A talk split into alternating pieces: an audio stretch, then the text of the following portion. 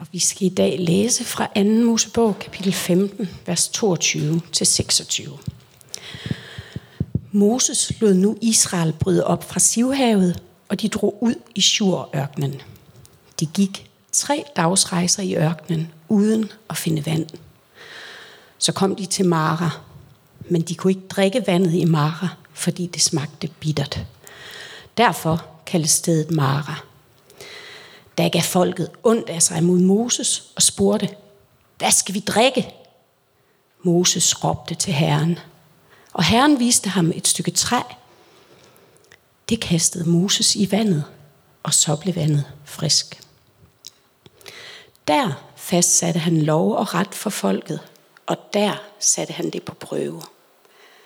Han sagde, hvis du er lydig mod Herren din Gud og gør, hvad der er ret i hans øjne, lytter til hans befalinger og holder alle hans love, så vil jeg ikke påføre dig nogen af de sygdomme, jeg har påført Ægypterne, for jeg er Herren, der læger dig. Da Pelle sendte den her prædiketekst til mig, så, og skrev, at han havde kaldt den for bøvl, så tænkte jeg, åh oh, nej. Åh oh, nej. Og da jeg så læste den igennem, så tænkte jeg endnu mere, åh oh, nej, og kan jeg nå at fortryde? Fordi at øh, jeg synes ikke, den er så, øh, så inspirerende i første hug. Men så læste jeg den en gang til, og øh, så tænkte jeg, det er ligesom at træde ind bag sløret i et eventyr lige efter nogen har sagt, og de levede lykkeligt til deres dages ende. I eventyr, der slutter historien altid med, at det store ønske bliver opfyldt. Og øh, jeg trækker altid lidt på smilebåndet, fordi jeg er psykolog. Og jeg ved, at bare fordi den store drøm er gået i opfyldelse, så betyder det ikke, at mennesker bliver tilfredse. Tværtimod så er vores hjerne indrettet sådan, at øh, vi er praktisk talt umulige at stille tilfreds. Hver gang vi er, har opnået et eller andet stort, så går vi i gang med at drømme om det næste. Faktisk så viser øh, forskning, at hvis man har den her idé om en drømmevægt, og hvis man så opnår den eller nednår den, alt efter hvor vi er hen af, så er der faktisk en større chance for at få en depression, end hvis du ikke kommer hen på den vægt. Fordi vi mennesker, vi tror, at når vi kommer et eller andet sted hen, så bliver alting godt. Og sådan er det ikke. Men det er ikke det, den her prædiken kommer til at handle om. Fordi det, der øh, slog mig, da jeg læste teksten endnu en gang, det var, at Gud han lyder som sådan en træt mor i slutningen af teksten. Han lyder, i den oversættelse, som jeg har, der lyder det, hvis I vil lytte til Jave, jeres Gud, følge mine forordninger og gøre det, som er rigtigt i mine øjne, øjne, så skal I ikke lide under de sygdomme, jeg sendte over Ægypterne. Jeg er Herren, og jeg kan helbrede jer. Skrevet lidt om, hør nu efter, det er mig, der ved bedst, eller endnu mere hverdags forældresprog, fordi jeg siger det. Det er sådan noget, vi forældre siger, når vi ikke orker at diskutere mere. Eller ikke tror, at vi kan forklare pointen godt nok til, at de små kan forstå det. Jeg kan egentlig ikke lide, når Gud han i Gamle Testamente lyder rigtig meget som et menneske. Og det synes jeg, han gør her. Han lyder irritabel, irriteret, som en, der ikke har fået sin morgenkaffe. Og jeg elsker det, når Jesus er meget menneskelig. Men i Gamle Testamente, der slår jeg mig på det, fordi det er simpelthen ikke, øh, det er ikke almægtigt og roligt nok. Det er ikke helligt nok. Han er for lidt majestatisk, når han lyder irriteret. Men alligevel så rimer det på den forældrekærlighed, jeg kender. Og det, den her prædiken skal handle om i dag, det er Gud som mor. Fordi den her, øh, fordi jeg siger det, den her irritation over at støde på alle mulige problemer hele tiden, den genkender jeg. Når man læser Exodus, altså hele den her ørkenvandring og blive kaldt ud af Ægypten, så er det gang på gang det her, der sker. At de får det, som de har brug for, og straks efter, så er de i gang med at lede efter noget nyt, som de synes, de mangler for overhovedet at være okay. Josva, kan vi få den der op? Kan det lade sig gøre?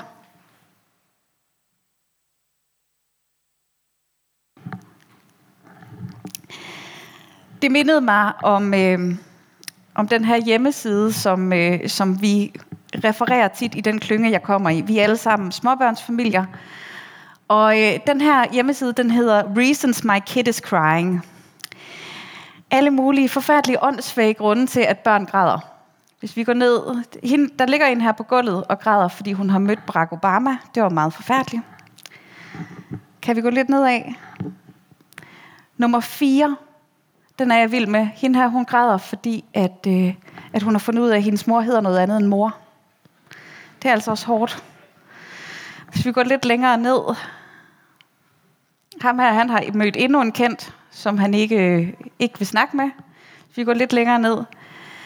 Han, ham her, han vil ikke afsted, og de har fortalt ham en del gange, at de skal altså ikke nogen steder. Men drengen græder stadigvæk, fordi at han ikke vil med. Længere ned har vi en, som græder ved en pose muffins. Øh, ja, her har vi ham. Nogen har spist alle muffinsene. Det var ham selv. Og øh, vi forældre kender godt de her situationer. Her øh, for nylig, der måtte jeg trøste et af mine børn, fordi at, øh, hun var blevet klar over, at hun havde meget blod i kroppen. Det var altså åbenbart meget, meget traumatisk. Ulækkert at have blod i kroppen. Og jeg synes jo nok, hun var lidt åndssvag. Men lige der, der var hun altså lige i krise.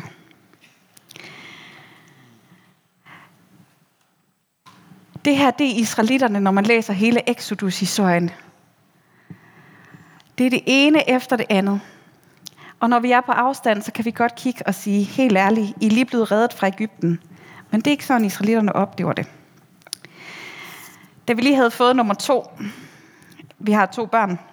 Den ældste er to år og, to, øh, og fire måneder ældre. Og noget af det, som mine veninder, der havde flere børn, hele tiden fortalte mig, det var, at det fineste, det var at opleve, hvad store søskende sagde til små søskende, når de nu fik en. For så kunne man høre det der ekko af alt det gode, man havde givet dem. Ja, I kan godt høre, hvor den her den kommer hen af, ikke? Øhm, hende, der øh, pointerede det meget for mig, hun fortalte om, hvordan hendes datter havde lænet sig ned over den anden datter og sagt, Nå, lille skattepige, er du vågnet? Det, der skete hjemme ved os, det var, at øh, min datter græd, og storebror gik hen til vuggen, kiggede ned på hende og sagde, hvad nu? og det var noget af det første, jeg tænkte på, da jeg læste den her. Det er sådan lidt, Israelitterne er lige blevet reddet, og de kommer ud i Ægypten, og så begynder de at brokke sig igen. Og det er som om, at Gud han sådan lidt træt spørger, hvad nu? Men den her mor-tema, det er ikke kun fordi, at jeg åbenbart selv lyder irritabel og træt, som Gud han kan gøre her. Nej, hele Exodus bærer faktisk det her tema. Jeg kom til at tænke på, øh, på den samtale fra, øh, ja, nu skal jeg, nej, jeg har faktisk ikke skrevet ned, hvilket, øh, hvilket evangelium. Jeg tror, det er Johannes evangeliet. Nu er jeg jo kun psykolog og ikke teolog. Men der taler Jesus og Nikodemus sammen, den her fariser, som kommer skriftklog og taler med Jesus, og kan ikke forstå, at Jesus siger, at man skal blive genfødt. Man kan jo ikke kravle ind i sin mor endnu, endnu en gang. Og Jesus han svarer ham næsten flabet. Han svarer, du er lærer for Israels folk, og du forstår det ikke. Sådan lidt som om, så har du vist ikke, så har du vist ikke studeret det helt godt nok. Og jeg tror, det er fordi Jesus der hensyder til, at Israels folk burde genkende historien om at blive genfødt gennem vand. Den her historie om, at de er i Ægypten, så kommer hele V-sektionen af fødslen med smerter og plager, den ene efter den anden, indtil til sidst, så går vandet, og så går de igennem det, og så kommer de ud til et helt nyt liv på den anden side. Jeg skal nok lade være med at tale meget specifikt om fødselskanaler og alt sådan noget.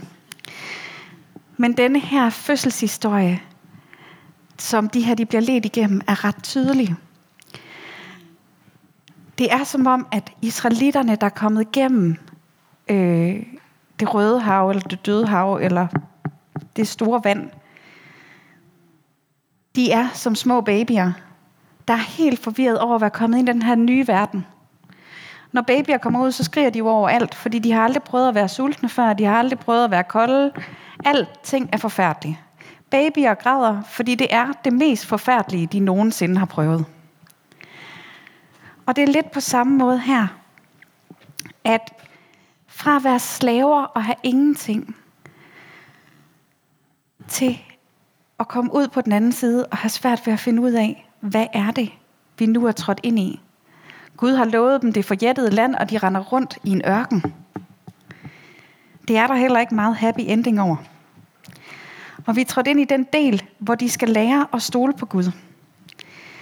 Lære, at han er der kontinuerligt, uden de her store armbevægelser, uden den der demonstration af styrke, som var i Ægypten gennem plagerne. Men hvor han er der i form af skysøjlen og ildsøjlen, hvor han hverken glemmer eller forsvinder. Der var en far, der fortalte mig om øh, nogle meget, meget oprevne og i, øh, meget vrede udbrud fra hans datter, da han læste Exodus-beretningen op, sådan den ene aften efter den anden til putning. Hans datter kaldte Israel for idiotfolket, som aldrig fattede en skid. Hvorfor kunne de dog ikke forstå, at Gud, som havde reddet dem, han også havde styr på det? Hvorfor blev de ved med at falde i hele tiden og finde på alle mulige åndssvage ting? Og jeg grinede ret meget, da jeg hørte den her, fordi det var sådan, ja, når man læser den i streg, så kan man virkelig godt tænke, at det er et idiotfolk. Og på den anden side, så genkender jeg også mig selv som del af det her idiotfolk rigtig meget. Som en, der aldrig bliver tilfreds. Som ikke engang rigtig kan huske, hvad jeg har bedt om sidst, eller om jeg har fået det eller ej. Som hele tiden er på vej hen til det næste. Og jeg kunne nok godt, når jeg forestiller mig Gud, komme til at tænke, at han ville kigge ned på mig og spørge, hvad nu? Hvad er der nu galt? Men det er faktisk ikke rigtigt det, der sker. På engelsk der har man øh, nogle bedre ord for det her, end vi har på dansk. På engelsk der har man både parent og parenting, altså både at være forældre, men også at gøre forældre. Og det samme har man med mother og mothering. At gøre det, en mor gør. Det her med at udføre det i praksis. Jeg vil ønske, at vi havde den skældning på dansk også. Jeg har for nylig læst en bog af øh, Sarah Bessie, som er en kanadisk forfatter og teolog. Hun er en af dem, som jeg ser meget hen til.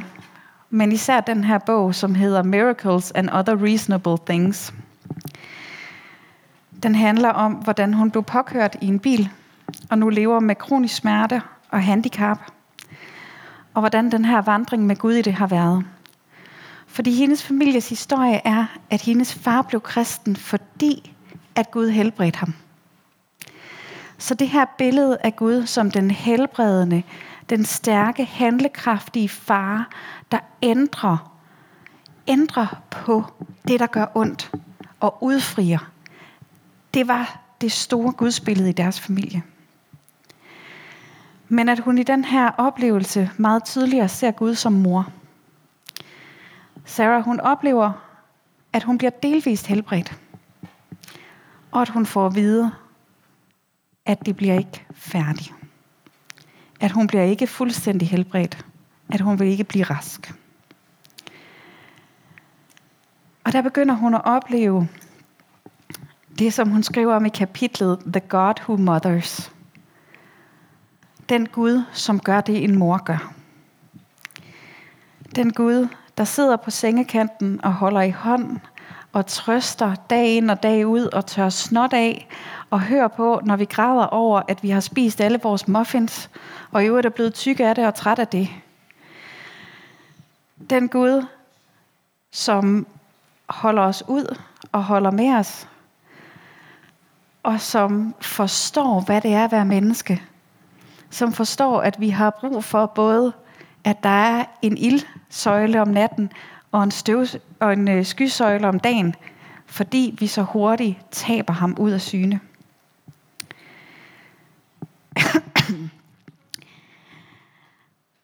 Måske har jeg tvistet den her prædiketekst en lille smule, fordi jeg meget gerne ville tale om Gud som mor. Det var det første, der faldt mig ind, da jeg læste den igennem tredje gang, og begyndte at se, at der var noget, der kunne siges. Fordi det her, det er et af de vigtigste perspektiver for mig i min tro. Jeg er selv kronisk syg, og lever i den her spænding af at vide, at Gud han kunne helbrede mig, hvis han ville. Og samtidig opleve, at den der idé om Gud som stor og stærk far, der kunne gøre det, den faktisk næsten er mere provokerende, end den er opmuntrende. Men Gud som mor giver mening. Gud som den, der er med hver dag, giver mening. Og jeg har bedt om, at vi skal synge kun en dag et øjeblik af gangen her senere, fordi at øh, den er skrevet af Lisa Sandel. Og hun skriver den netop som kronisk syg. Jeg har altid vidst, at hun var en kvinde, der led meget og havde mange sorger i livet og skrev det meste af de meget, meget smukke ting. Det er også hende, der har skrevet Ingen er så tryg i fare fra sin sygeseng. Men hvad jeg ikke vidste, før jeg slog op til den her prædiken, det var, at hun blev kronisk syg i forbindelse med en influenzaepidemi. Og så var det som om, at ja, den tager vi med i dag. Fordi kun en dag et øjeblik ad gangen handler netop om det her om at være med de lidende, være med dem, der ikke kan overskue det næste skridt. At Gud er der. Og i den originale, der hedder det faktisk, han som har for mig en moders hjerte.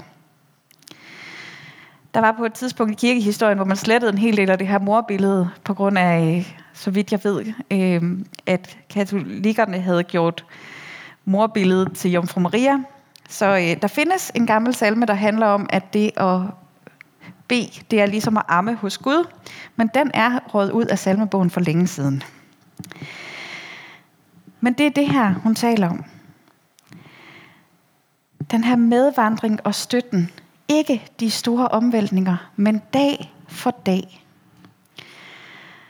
Og jeg vil lige indskyde noget her, fordi at det kan hurtigt komme til at ende lidt i den der grøft, øh, med at at Gud han sender os lidelse for at udruste os til et eller andet. Jeg elsker den sang kun dag et øjeblik ad gang, men jeg kan ikke fordrage linjen hver en lille del af fryd og smerte, som jeg netop trænger til. Det kan jeg ikke. Jeg tror ikke på, at Gud han sender os smerte, for at vi skal udvikle bestemte ting. Jeg tror på, at verden er brudt, og derfor så er der lidelser, der er smerte. Men jeg tror på en Gud, der aldrig sløser et sår væk. Som altid gør det, som historien om Josef beskriver, at han vender det onde til godt. Hvis jeg ikke var blevet kronisk syg, så havde jeg været fysioterapeut i dag. Det øh, kom jeg til at snakke med en klient om her i forrige uge, øh, fordi at han var undret sig over, hvor meget jeg vidste om nervebaner. Og så forklarede jeg det, og til det udbrød han, tak Gud for, at du blev kronisk syg. Det var en meget stram afslutning på den samtale. For sådan har jeg det bestemt ikke. Jeg er ikke taknemmelig for at være kronisk syg. Men jeg ved, at Gud han vender det onde til godt, og at han har brugt det sted, jeg er, og de ting, jeg oplever, til meget godt. Samtidig med, at det ikke fjerner smerten over det, der gør ondt. Så tilbage til Gud i Exodus. Her i ørkenen. Jeg bliver virkelig hurtigt en del af det her idiotfolk. Der oplever Gud som, ja ja, du er der, men kan du ikke lige fikse det her? Jeg kommer tit til at se ham som ham der, der sætter regler op og siger, gør sådan og sådan og sådan. Fordi det er kort tid efter det her, at vi begynder på de 10 bud. Men da jeg læste det her, så gik det rigtig op for mig, at der bliver ikke introduceret nogen som helst regler eller guidelines eller opdragelse, før de er udvalgt og frelst.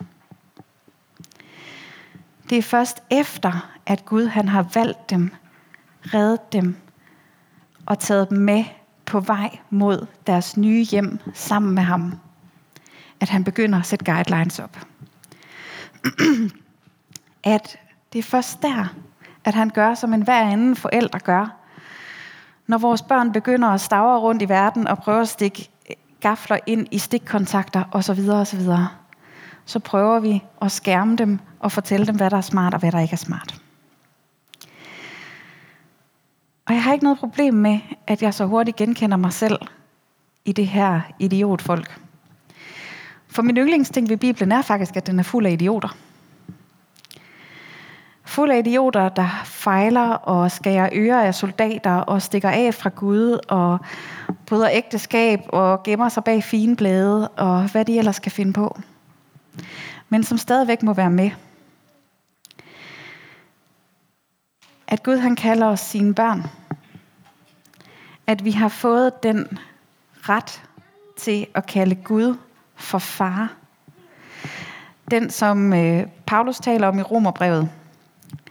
Og det betyder ikke, at vi netop skal være andet end idiotfolk. Fordi børn, de græder over det, de lige føler. Og det må vi også.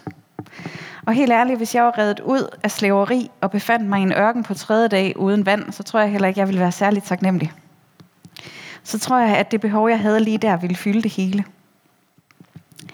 Præcis som den toårige, der kalder på vand, når man lige har bedt dem om at lægge sig til at sove.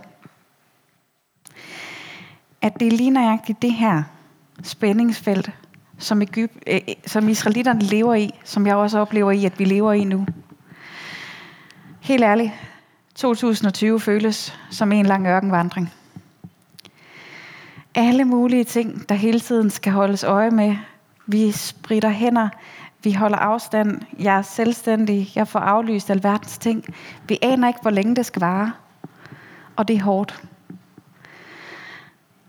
Og jeg vakler tit mellem at være taknemmelig for at leve i en del af verden, hvor vi har hjælpepakker og godt sundhedsvæsen, og til at have lyst til at slå og sparke på døren og råbe af Gud, fordi jeg ikke orker at skulle holde afstand eller holde øje med så meget hele tiden. Og netop her har jeg brug for Gud som denne her mor.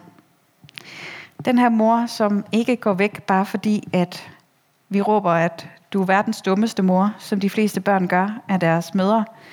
Eller som et af mine børn råbte af mig en dag, at jeg var 100 meter dum. Og det var jeg jo nok. Og på samme måde råber jeg nogle gange af Gud, at han er 100 meter dum. Og at jeg i hvert fald godt kunne planlægge bedre end ham. Og alligevel så er han der. At han er med hele vejen gennem mørkenen. At han at et eller andet sted, så burde de jo vide, at når han lige har reddet dem ud af Ægypten, så kommer de ikke til at dø af trøst på fjerde dagen på den anden side. Nej, selvfølgelig har han styr på det. Han stikker dem heller ikke et kort og siger, vi ses i kanaen, når I har klaret den. Nej, han tager bolig hos dem og følger dem hele vejen. Han er urokkelig som verdens bedste mor, som aldrig glemmer sine børn, og som holder dem ud, selvom idiotfolket, børnene, mig og alle andre er kropumulige, og hver gang vi får noget, et ønske opfyldt, så er vi i gang med at lede efter det næste. Men det allerbedste er, at Gud er Gud. Og at han er en langt bedre mor end mig. At jeg måske nok projekterer det her med at bøje sig over vuggen og sige, hvad nu?